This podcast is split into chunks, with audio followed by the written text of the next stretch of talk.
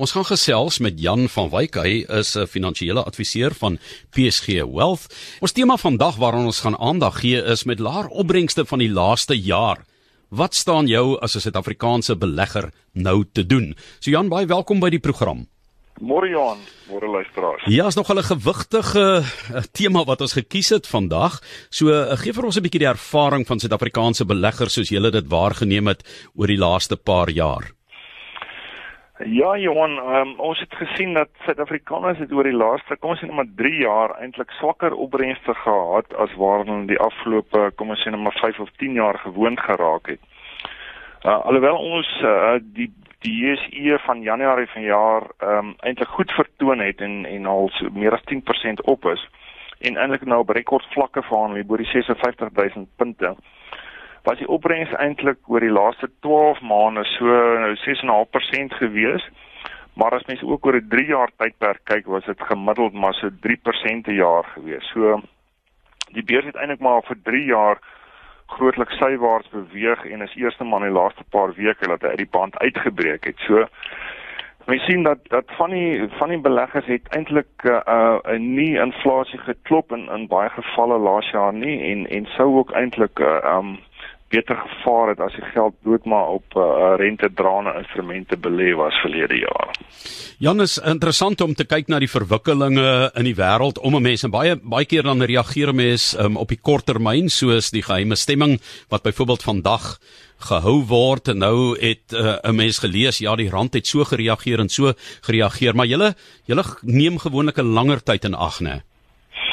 Ja, ons ons sê dit is maar die sleutel van die ding Johan. Ek dink mense moet maar versigtig wees om uh, te veel te fokus op op die korttermyn uh um goed wat mense lees in die in die koerante en so nou mense word eintlik maar gebombardeer met 'n baie klomp slegte nuus elke dag. Um so dit is baie maklik om om dit nou uh, oor te dra na uh, jou jou beleggingsperspektiewe toe. So ons sê dit is maar belangrik in die beleggingswêreld om 'n bietjie langer termyn te fokus altyd. Nou, hoekom sou jy sê was die opbrengste laer geweest as dit waaraan beleggers gewoond geraak het? Ja, daar was eintlik 'n hele klompie uh, faktore gewees Johan, uh wat nou 'n rol gespeel het. Ons sien nou maar ekonomiese groei in Suid-Afrika is negatief geraak. Ehm um, of is is negatief want die ekonomie is nog besig om in te krimp. Ons is eintlik in 'n tegniese resessie op die stadium dit beïnvloed maar uh, wat maatskappy winste. Ons sien die verbruikers kry swaar, so die koopkrag is is maar swakker. Ehm um, dan het ons ook nou maar die beleidsonsekerheid wat ons sien wat wat nie goed is vir sentiment nie en beleggervertroue. Ons dink aan goed soos die mynbehandfish en die uh, reservebank uh, rondom inflasie teikens en so meer en dan ook al die fin finansiële ministers wat ons in 'n kort tyd 'n hele paar van gesien het. Dit dit is nie goed goed vir beleggervertroue eintlik nie dan as ons na die bateklasse kyk, uh, goed soos iets soos uh, genoteerde eiendom het laas jaar nie 'n goeie jaar gehad nie. Hoewel dit eintlik maar oor 'n oor 'n langer periode een van jou beste presterende bateklasse was. En dan laastens maar nie die minste die die die rand het ook maar 'n groot rol gespeel die die rand wat versterk het van kom ons sê vlakke maar van rondom 1450 na waar hy tans verhandel so 1320 1330 30 rond. So dit het eintlik 'n dubbele impak gehad eintlik op die ehm um, geld wat direk in die buiteland belê was sowel as op die randverskanste aandele het dit hulle negatief uh, winste eintlik maar negatief beïnvloed. Jy het uh, aan 'n paar punte geraak, mense kry dikwels skandale in die wêreld of jy kry 'n uh, minister van finansies wat byvoorbeeld bedank of wat afgedank word, maar by ons het die frekwensie ehm um, jy weet onrusbarend toegeneem, maar hoe reageer beleggers wanneer opbrengste oor die korter termyn nie aan die verwagtinge voldoen nie?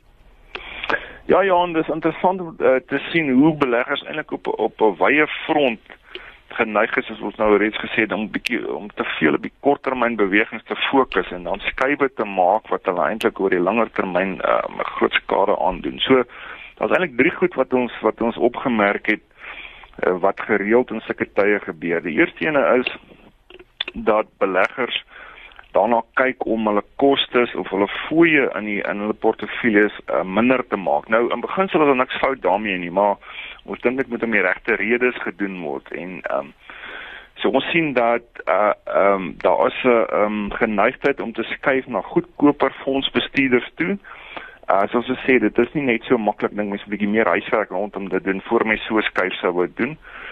Uh daar word ook uh die adviseur word uit die proses uitgesny. En dan sien ons ook dat um daar gevalle is waar daar oorgeskei word van van aktief bestuurde portefeuilles na passiewe portefeuilles toe. So ons sê uh, nie een van daai goed is noodwendig op sigself 'n uh, fout nie, maar mense moet net gaan kyk hoekom of die redes moet dit nou om die regte redes gedoen word. Dan sien ons ook dat dat uh, beleggers geneig is om hulle hulle bate uh, allocasie te verander en dan te skuif vanaf groeibates wat eintlik net maar aandele en eiendom is na uh kontant instrumente of rentedraende beleggings toe soos geldmarkfondse. Dit sien ons die hele tyd uh, die die tendens daarvan en dan derdens sien ons dat die beleggingshorisonne eintlik maar verkort. So daar word gekyk na watter fondse die vorige jaar die beste presteer en die geld word na hulle toe geskuif. So ons sê daai hierdie hele proses as dit nie reg uh ehm um, deur dink is nie kan 'n mens jouself baie skade uh, aandoen op die langer termyn. Nou, watter emosies dryf pryse van aandele op beurse, Jan?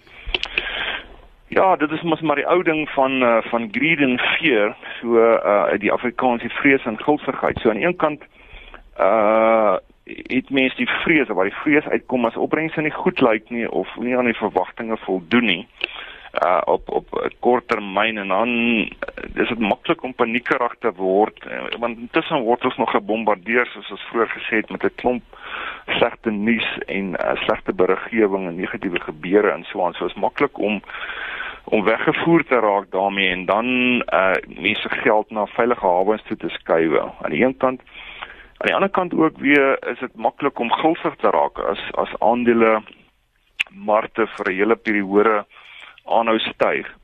Dan uh, uh sien ons ook dat dit dat mense maklik weggevoer raak en en aandele net voor die voet koop sonder om dan ag te slaan uh, op waardasies want op die langtermyn het dit het dit maar 'n bepalende invloed.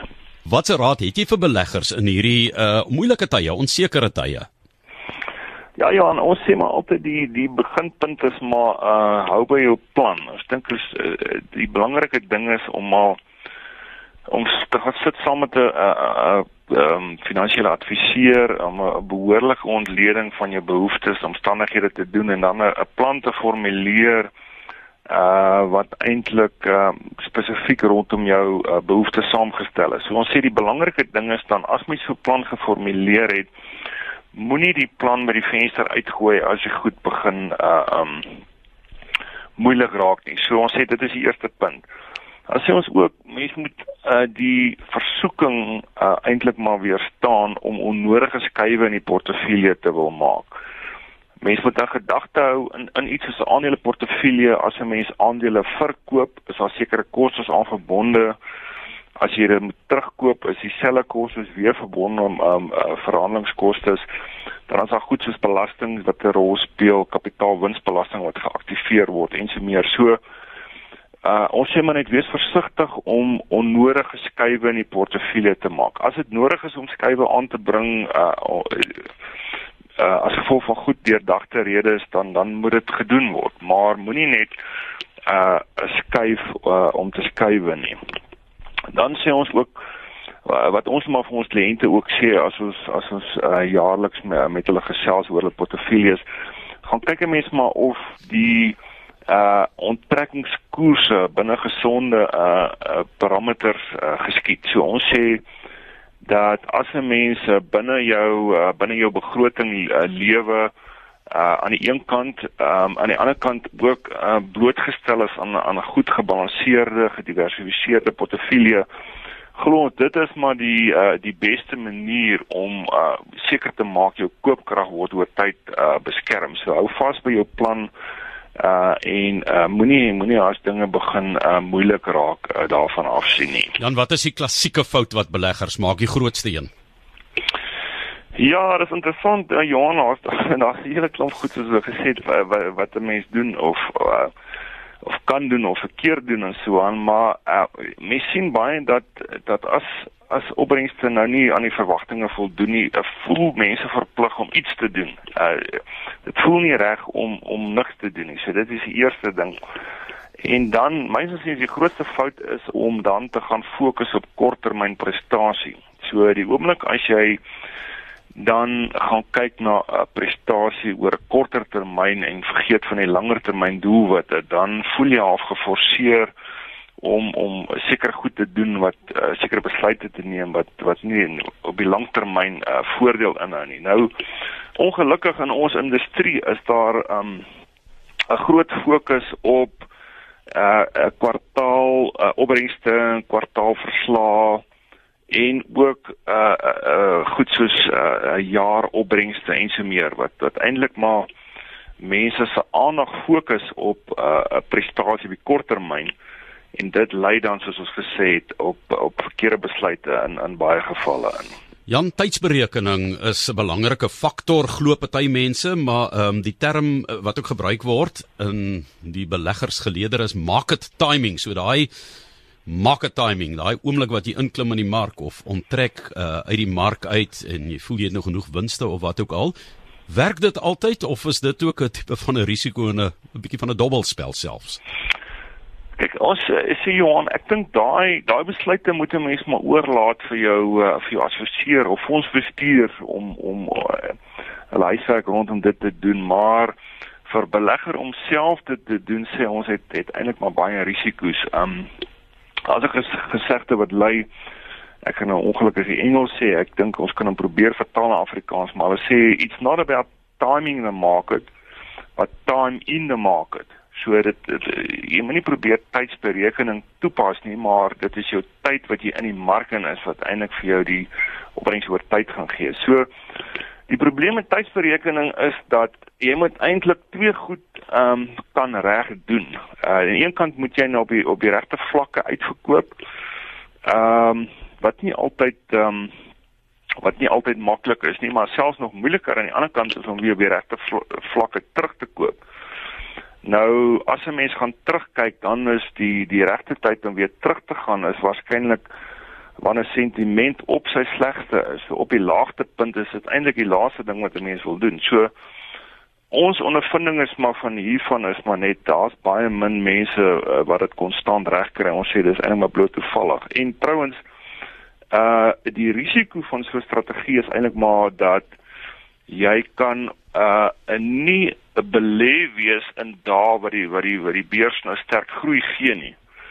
Uh en jy kan eintlik maar 'n uh, paar van daai dae mis. Ehm um, ek wil amper sê 'n handjievol van van daai dae in 'n jaar mis en dit sal 'n wesenlike impak op op jou jaar se prestasie hê. So dit is aan die een kant so, aan die ander kant ook wys statistiek maar net vir ons dat mense wat baie verhandelende portefeuilles wat gereeld koop en verkoop en so meer uh eintlik maar swakker presteer as uh, beleggers wat wat 'n langer termyn uh um, strategie volg en en bly in hulle uh, of in 'n gebalanseerde portefeuilles of of in aandele portefeuilles ook dan.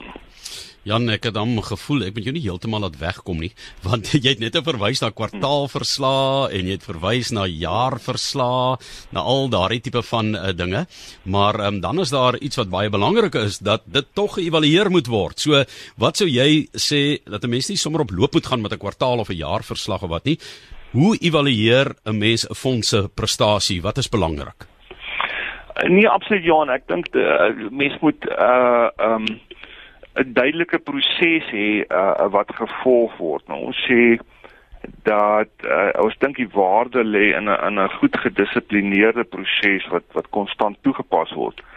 Om dit heeltemal reg te kry altyd is nie maklik nie. So maar maar soos jy reg sê mens moet kyk na die na die korttermyn uh, prestasie. As mens nou sien 'n fonds begin onderpresteer, dan moet 'n mens die die fonds dophou uiteraard bietjie gaan huiswerk doen en gaan kyk wat is die redes daarvoor. Het daar miskien 'n verandering van fondsbestuurder plaasgevind?